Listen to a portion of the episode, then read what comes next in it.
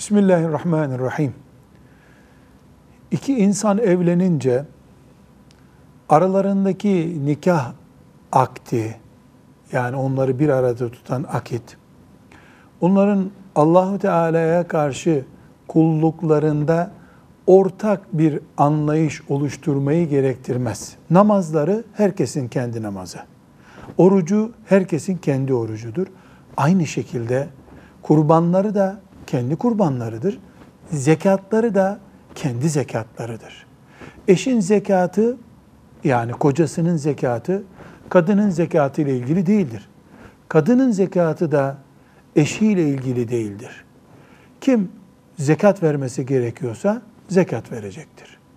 Kadın zekat verecek durumda olabilir, kocası vermiyor olabilir.